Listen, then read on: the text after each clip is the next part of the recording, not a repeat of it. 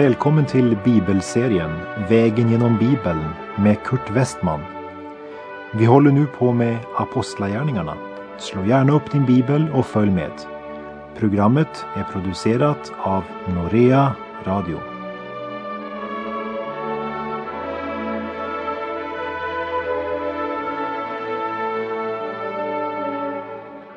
I förra programmet avslutade vi vår vandring genom Ruts bok och därmed så är det åter dags för en bok i det Nya Testamentet, nämligen Apostlagärningarna. Apostlagärningarna har också kallats för det femte evangeliet och det kan betraktas som en fortsättning av Lukas evangeliet. Apostlagärningarna är en bro mellan evangelierna och breven. Apostlagärningarnas nyckel, den finner vi i kapitel 1 och vers 8.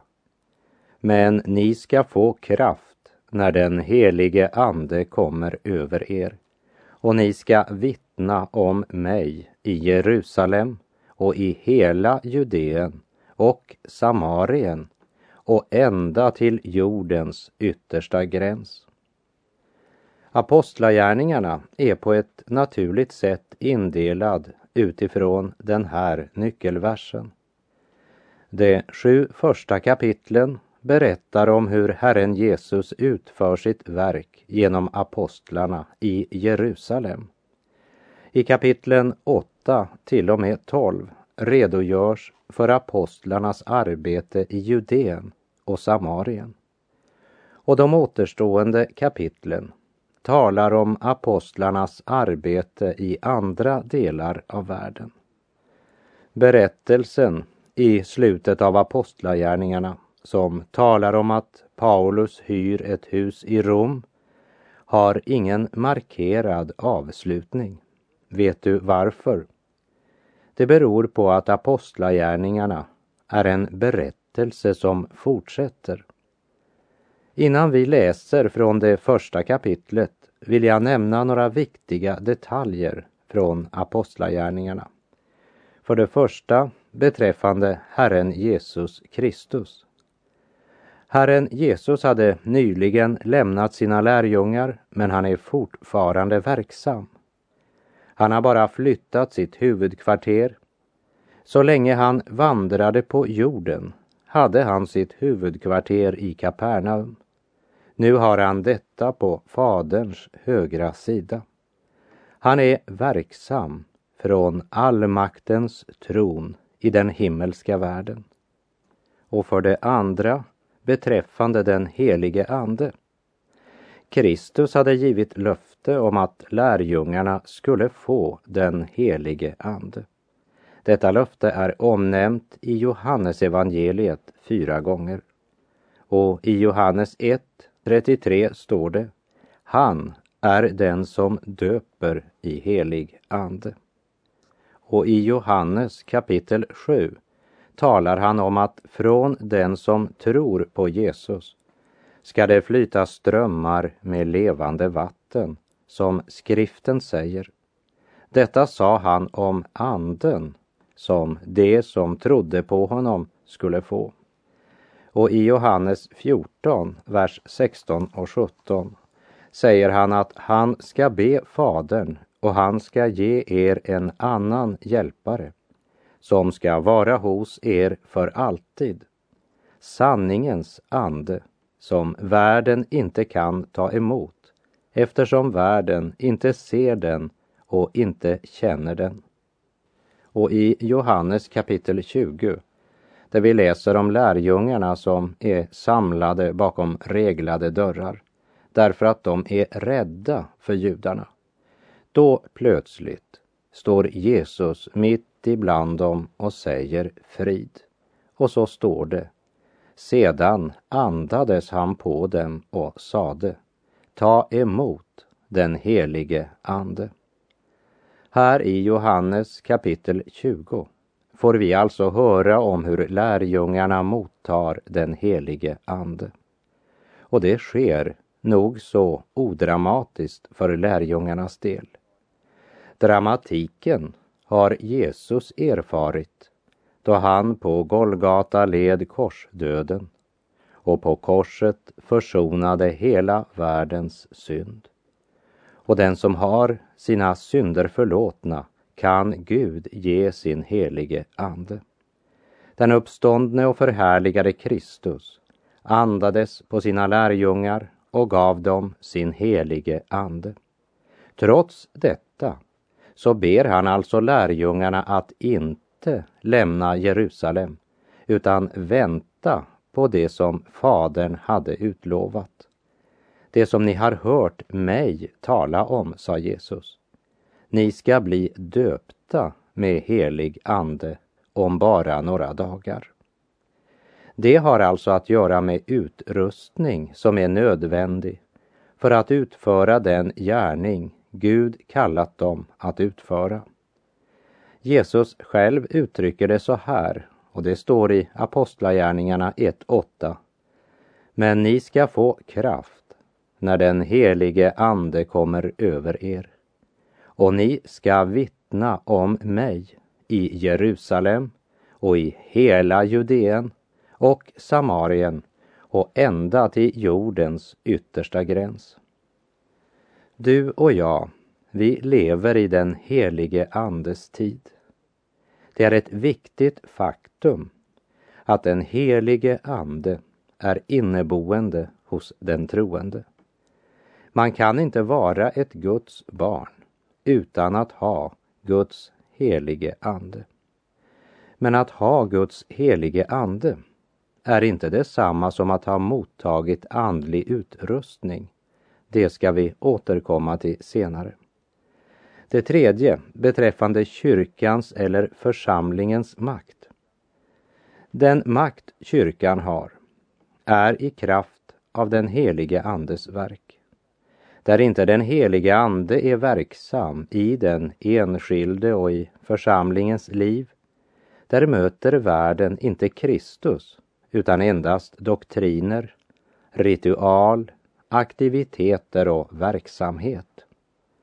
Men när den helige Ande är verksam genom det troende, då blir deras tjänst något som ärar och prisar vår Herre Jesus Kristus och blir till välsignelse för våra medmänniskor.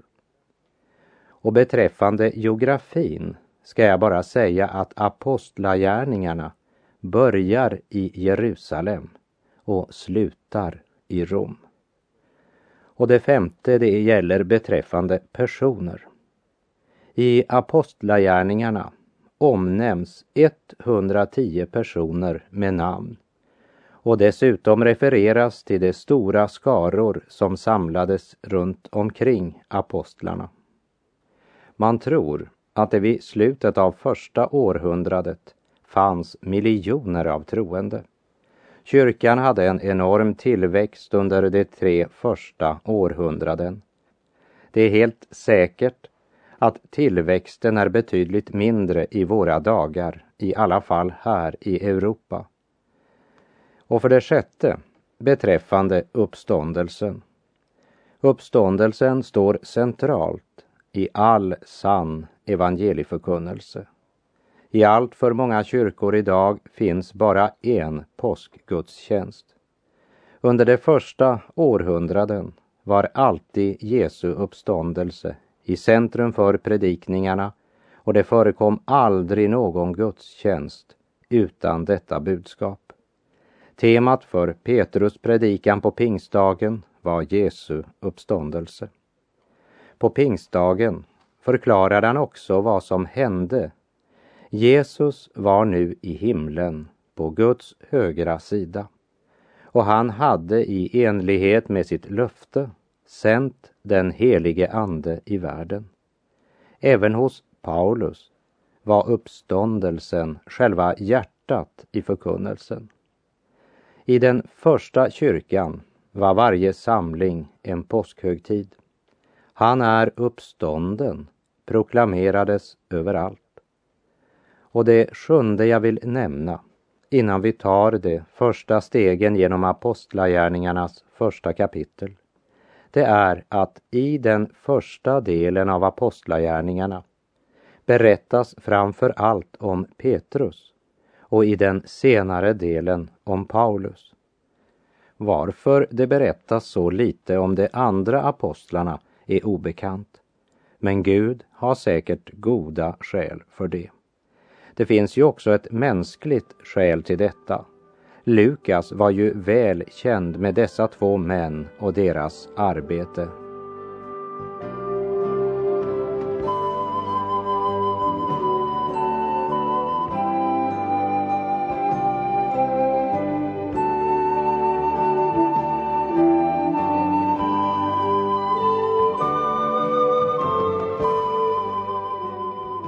Apostlagärningarna delas som jag sa naturligt i tre delar.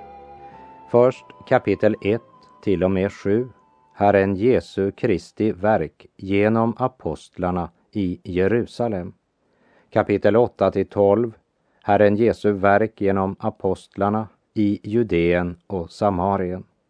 Och kapitlen 13 till och med 28 som handlar om de andra delar av världen. Egentligen borde apostlagärningarna kallas vår Herre Jesu Kristi verk genom apostlarna, drivna av den helige Ande. De sju första kapitlen handlar om detta verk i Jerusalem. Det första kapitlet, i vilket förberedelserna för den helige Andes kommande skildras i en kort introduktion en resumé över de 40 dagarna efter Jesu uppståndelse som omfattar hans himmelsfärd, hans löfte om att återkomma, apostlarnas väntan på att, som Jesus sa, bli döpta i den helige Ande och hur lärjungarna utser en ersättare för Judas. Vi läser Apostlagärningarna kapitel 1, de två första verserna. I min första bok, ärade Teofilus, skrev jag om allt som Jesus gjorde och lärde fram till den dag då han togs upp till himmelen, sedan han genom den helige Ande hade gett sina befallningar åt dem som han utvalt till apostlar. Den första boken var alltså Lukas evangeliet Lukas evangeliet och apostlagärningarna är dubbelverket som är tillägnat Lukas vän Teofilos.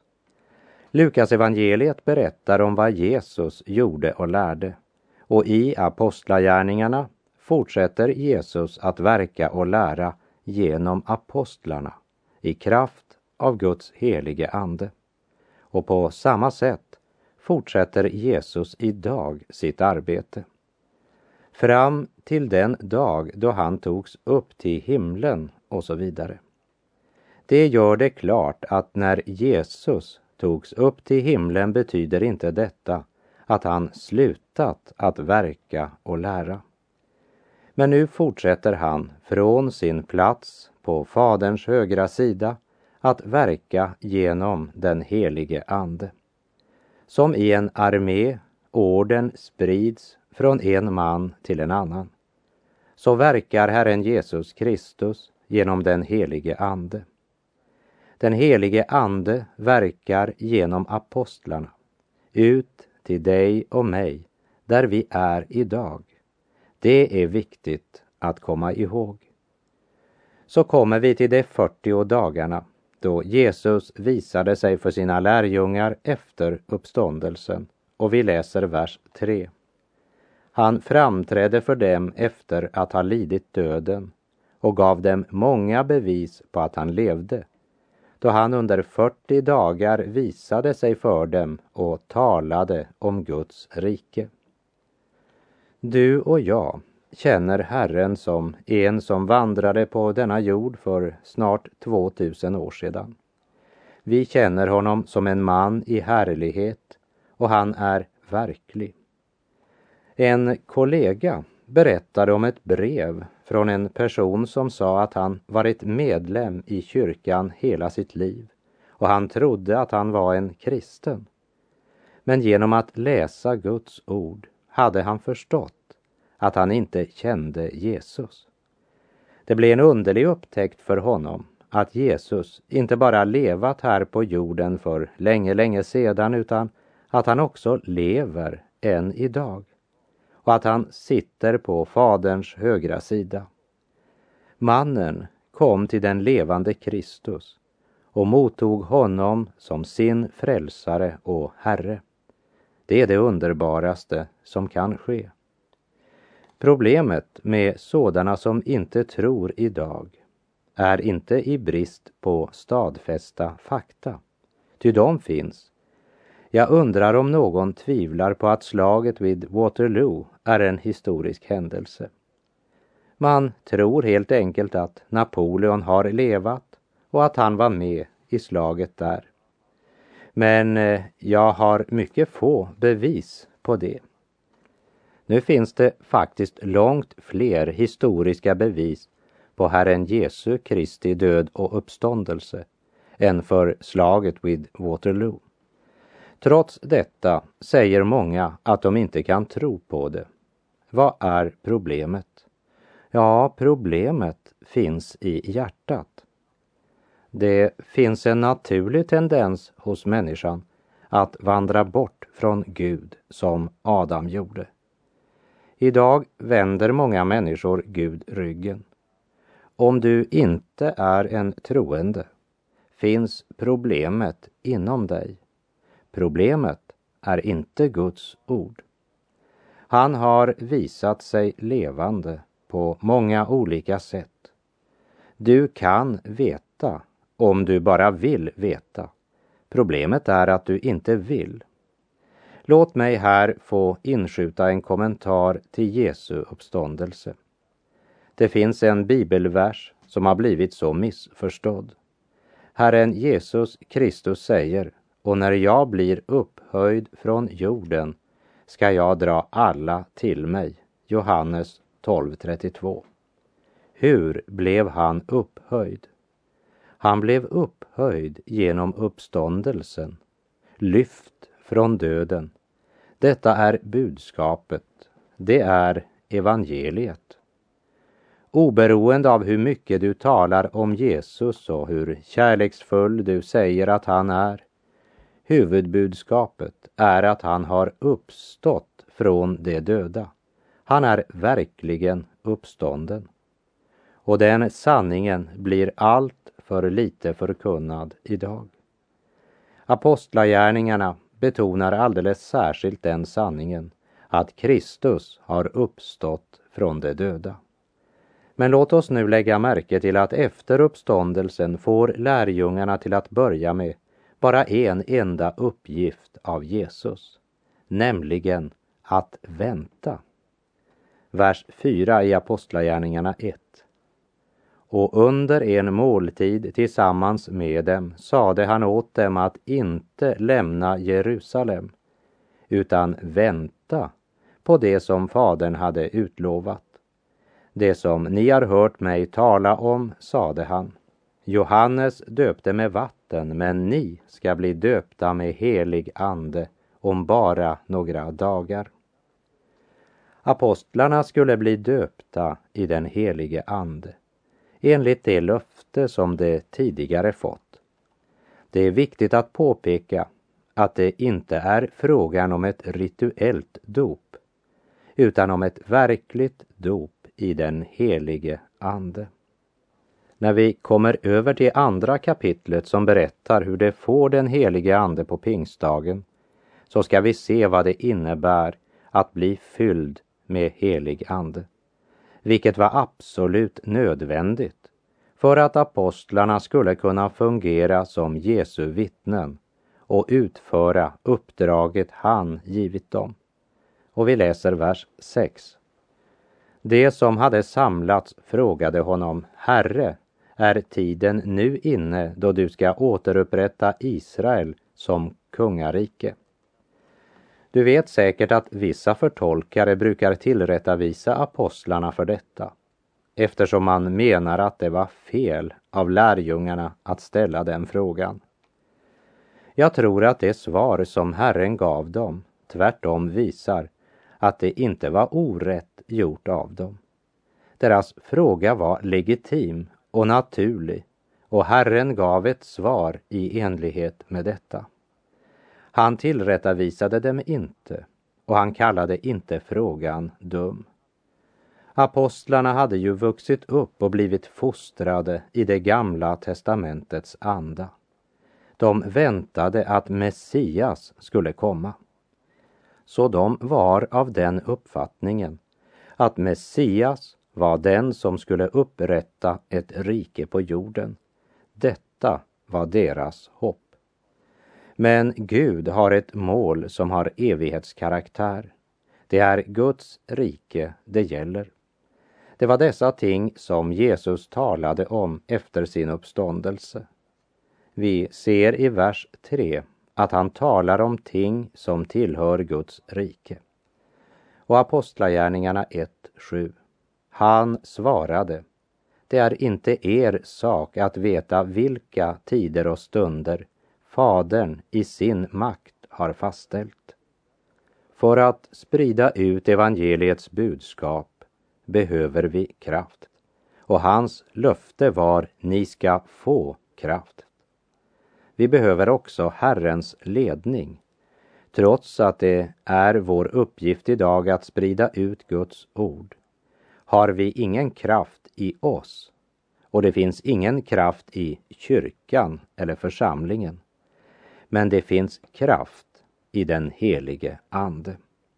Det är i tro till den helige Ande som vi gör våra radioprogram som bland annat omfattar vägen genom Bibeln som du just nu lyssnar till och våra bibelprogram på arabiska, på farsi och många andra språk.